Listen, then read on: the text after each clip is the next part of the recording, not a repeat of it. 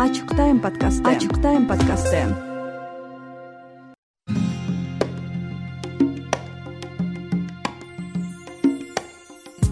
кыргызстанда маң зат колдонгондордун орточо жашы жыйырмадан кырк төрт жашка чейин болууда.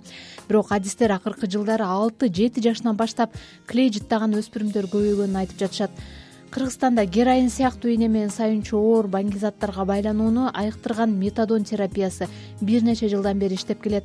Дарылануунун бул түрүндө сегиз жүз алтымыш жети киши расмий каттоодо турса анын дээрлик сексен беш проценти эркектер.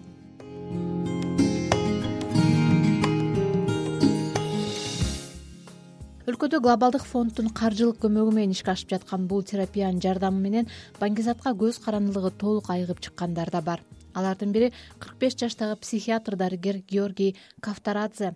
Наркологияга альтернатива аттуу коомдук фонддун юрист кеңешчиси дарыгер. Баңгизат колдонууну ал он үч жашында эле өспүрүм куракта баштаган. Отуздан ашкыча он беш жылдай маң заттын баардык түрүн колдонуп көргөн ал өз башынан өткөргөндөрүн мындайча айтып берди. Ну наверное как у всех э, входные ворота это аношу попробовал то есть у меня старшие товарищи во дворе были. Они ездили на планы негизи эле баардык башка баңгимандардай бул жаман жолго наша чегип түшкөнмүн. Ошондо болгону он үч жашта элем мектепте жетинчи класста окуучумун. Коңшу бала бир күнү бир камаз дарбыз келгенин аны түшүрүүгө жардам берүүмдү өтүнүп калды. Мен барып кечке дарбыз ташыдым. Жүк ташыган машиненин айдоочусу бизге эмгек акы катары наша берди. Машиненин бардачогун ачып мага жашыл чөптү көрсөттү мына ушуну тамекидей кылып тартсаң чыныгы жыргалды сезесиң деди. Эми өспүрүм кезде эч нерсени байкабайсың деле да. Жанымдагы балдарга эрдемсинип нашааны тартып көрдүм. Биздин үйдүн жанында бала бакча бар болчу. Ошонун короосуна түндө барып алып аябай жыргап жатканым эсимде. Анан эле суусу жок кургак бассейнге секирип башымды жарып алыптырмын мунун баарын кийин ойгонгондо гана байкадым. Баңгимандыкка болгон дарбаза ушинтип ачылды кийин айланамдагы досторумдун көбү жаш баңгимандар болуп чыкты. Бир миң тогуз жүз токсон үчүнчү жылдары апийим да мода болду. Апийимди алып келип жыттап чегип үйрөндүк. Ал маалда мен медициналык институтка тапшырып биринчи курста окуп жаткам. Төрт жыл апийим гашиш жыттап жүрүп мед академияны бүтөрдө героинге өттүм. Бир миң тогуз жүз токсон тогузунчу жылдары кыргызстанга героинди бекер алып келип таратышкан жанагы борбордук мечиттин жанында кууш көчөдө акысыз эле каалоочуларга берчү. Көрсө бизди жакшылап көндүрүп жаткан турбайбы аны кайдан билдик? Нашел ручником а тут приезжаем ни у кого нет вот вот такая героиня есть и на попробовать на на. Оказывается говорят эти ачык тайм подкасты. Ачык тайм подкасты эки миңинчи жылы георгий кыргыз мамлекеттик медициналык академиясын аяктап ординатурага окуп баштайт. Дал ошол жылдары маң заттын ийне менен сайынган түрүнө толук өтөт. Анын айтымында дарыгер болуп ооруканада иштегендиктен каалаган дарыны ала алчу. Ошентип ал эки миң онунчу жылга чейин ийне менен сайынган баңгиманга айланып он жылдык өмүрүнөн эле ажырабай ата энесин убайымга салып атасы эки ирет инсульт болгондон кийин көз жумат. Родные долгое время скрывал как бы ну родители не лезли в жизнь жакындарымбы? Мен алардан көп убакытка чейин жашырынып жүрдүм да. Негизи эле ата энем мага катуу ишенчү. Аябай зээндүү өз жашоосун жөндөп кете алат деген тың чыкма уулу мен элем да. Аларга менин баңгиман экеним үч уктаса түшүнө кирмек эмес. Атам ар дайым мага менин уулум педофил же баңгиман болсо чыдабайм атып салам деп айтчу анан мен ага өз абалымды айтып кичине эле эмес маң заттын торуна болушунча чырмалып калдым. Ата кечирип кой деп айтканымда күйүткө чыдабай эки ирет инсульт болду. Бирок ал менин бул адаттан арылганымды көрүп анан каза болду акыркы ирет инсульт болуп жыгылганда мен метадон терапиясы менен дарыланганыма үч жыл болуп калган өз колум менен атама тамчылатма дары сайып дарыгер жана уулу катары өз милдетимди аткарууга аракет кылдым. Мен жашоомдун он беш жылдан ашуун күлгүн учурун маң затка уурдатканыма аябай өкүнөм. Өзүмдүн эле саламаттыгымды талкалабай жакындарым да бул күйүткө чыдабай кыйналышты. Атамдын өмүрүн алдым.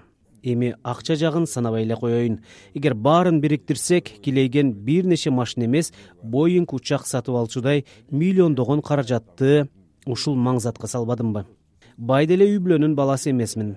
Жакындарымдын колунда болгон баардык бүдүрүн аягына чейин сатып тындым. Чоң апам менен апамдын алтын салган кутучасы болор эле. Ошондогу зер буюмдардын баарын саттым. Ал аз келгенсип күмүштөрдү саттым. Дозага жетиш үчүн баарын саттым по дешевке ну потом серебро. Георгийдин кесиби боюнча психиатр дарыгер. Ал баңгемандыктан толук айыкканына үч жылдан ашып калды. Дарылануусу он жылдан ашык убакытты алган георгий ушул тапта маңзатка берилгендерге акыс кеңеш берип иштеп келет. Маңзатты колдонууга болгон көз карандуулуктан чыгуу үчүн канча жыл колдонсо ошончо жыл метадон терапиясын алуу шарт экенин эскертет.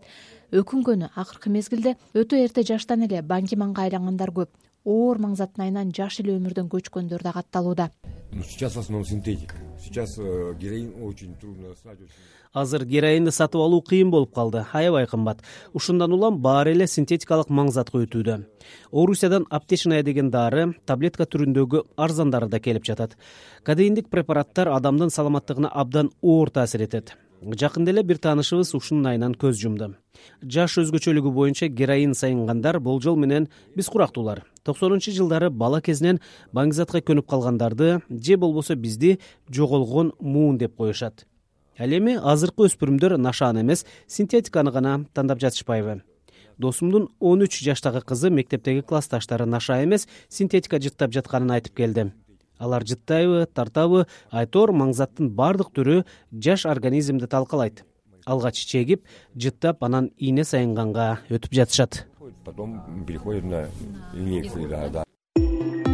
Ачык тайм подкасты. Ачык тайм подкасты метадон терапиясы баңгемандыктагы эң акыркы стадияга жеткендерге атайын маңзат кошулган метадон таблеткасы менен оор баңгизаттарды колдонбой туруусун камсыз кылган дарылоонун бир түрү.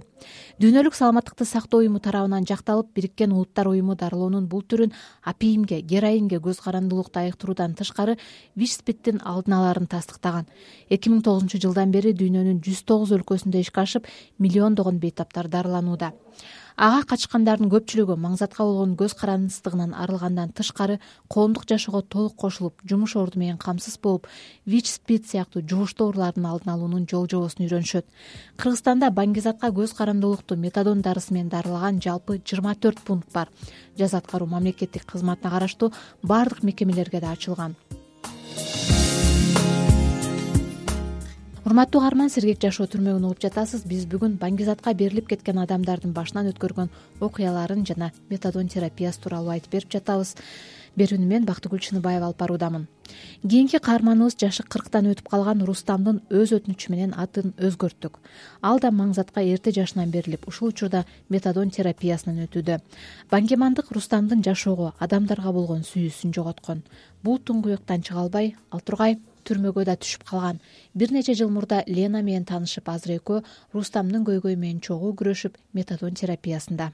Ну в данный момент мне абсолютно я как вот познакомился появилось совершенно другое чувство совершенно азыр менин жашоом үч жүз алтымыш градуска бурулду. Ичимде таптакыр башка сезимдер каалоолор кайнап баштады. Мурда героинден башканы ойлобой калсам эми жанымдагы жубайымды көбүрөөк ойлойм биздин сүйүү үчүн аракет кылам. Мурда мен өзүмдү коомго эч кимге кереги жок зыяндуу бир нерсе катары сезчүмүн. Ленанын сүйүүсү баарын өзгөрттү. Өзүмө ишеним пайда болду. Качандыр бир күнү баңгимандыктан таптакыр кутулуп сопсо эркин адам катары ойгоноорума ишенип калдым. Эң башкы кыялым маңзат менен өткөн күндөрдү жаман түштөй эле унутуп салуу.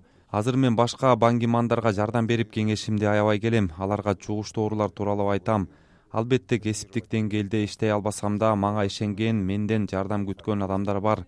Алардын баңгизаттан кутулуусуна салымды кошуп жатам десем болот. Не на таком уровне но личные контакты какие то я знаю люди у меня я контактирую. Адистердин айтымында акыркы учурда кыргызстанда баңгизаттын туз таблетка түрүндөсүн колдонгондор көп болууда. Баңгимандыктын акыркы стадиясы болгон ийне сайынуудан айыгуу үчүн жалпы миң кырк алты киши метадон терапиясынан өтүп азыр дагы тогуз жүзгө чукул киши дарыланууда ачык тайм подкасты. Ачык тайм подкасты. Республикалык наркология борборунун дарыгери анара кулубаева жыйырма жылдан ашуун метадон терапиясы менен баңгимандарды дарылап келет. Бул ыкма тууралуу мындайча айтып берди. Эми бизде например бул программа деген добровольно да. Муну билип тиги өзүлөрүнүн пациенттеринен билип же бир соседтеринен билип же бирөө тааныштарынан билгендери обычно келишет да. Мен ушинтип көптөн бери тиги героин сайынам анан азыр уже саянганга даже тиги абалым келбей калды акчам жок героин жок. Анан өзүм тиги э, организмимде уже веналарымда болбой калды деп келишет. Жардам бере аласыңарбы бересиңерби депчи кандай бересиңер деп. Бекер да. Келиптен өзүнүн дозировкасын тап туруп ичип алып одноразовый стакан менен ичип алып эле кете берет да. Метадон программа ушул аябай жакшы да. Түрмөдөн сактайт вич вичтен сактайт туберкулезден сактайт.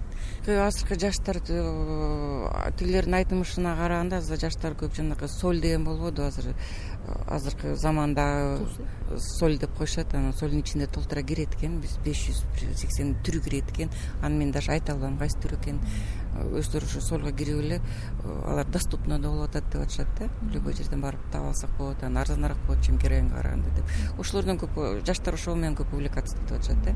Эки миң он жетинчи жылы дүйнөлүк саламаттыкты сактоо уюмунун маалыматына караганда дүйнөдө он беш жаштан алтымыш төрт жашка чейинки эки жүз жетимиш бир миллион киши баңгизат колдонот анын ичинен отуз беш миллион адамдын саламаттыгы маңзаттын айынан талкаланып кыйналып жашайт. Акшда синтетикалык маңзатка уулануу акыркы мезгилде чоң көйгөйгө болжол менен кырк жети миңдей адам бир жылда дал ушул заттардан каза болууда. Кара куурай дүйнөдөгү эң көп колдонулган маңзат. Аны болжол менен жүз сексен сегиз миллион киши чегет.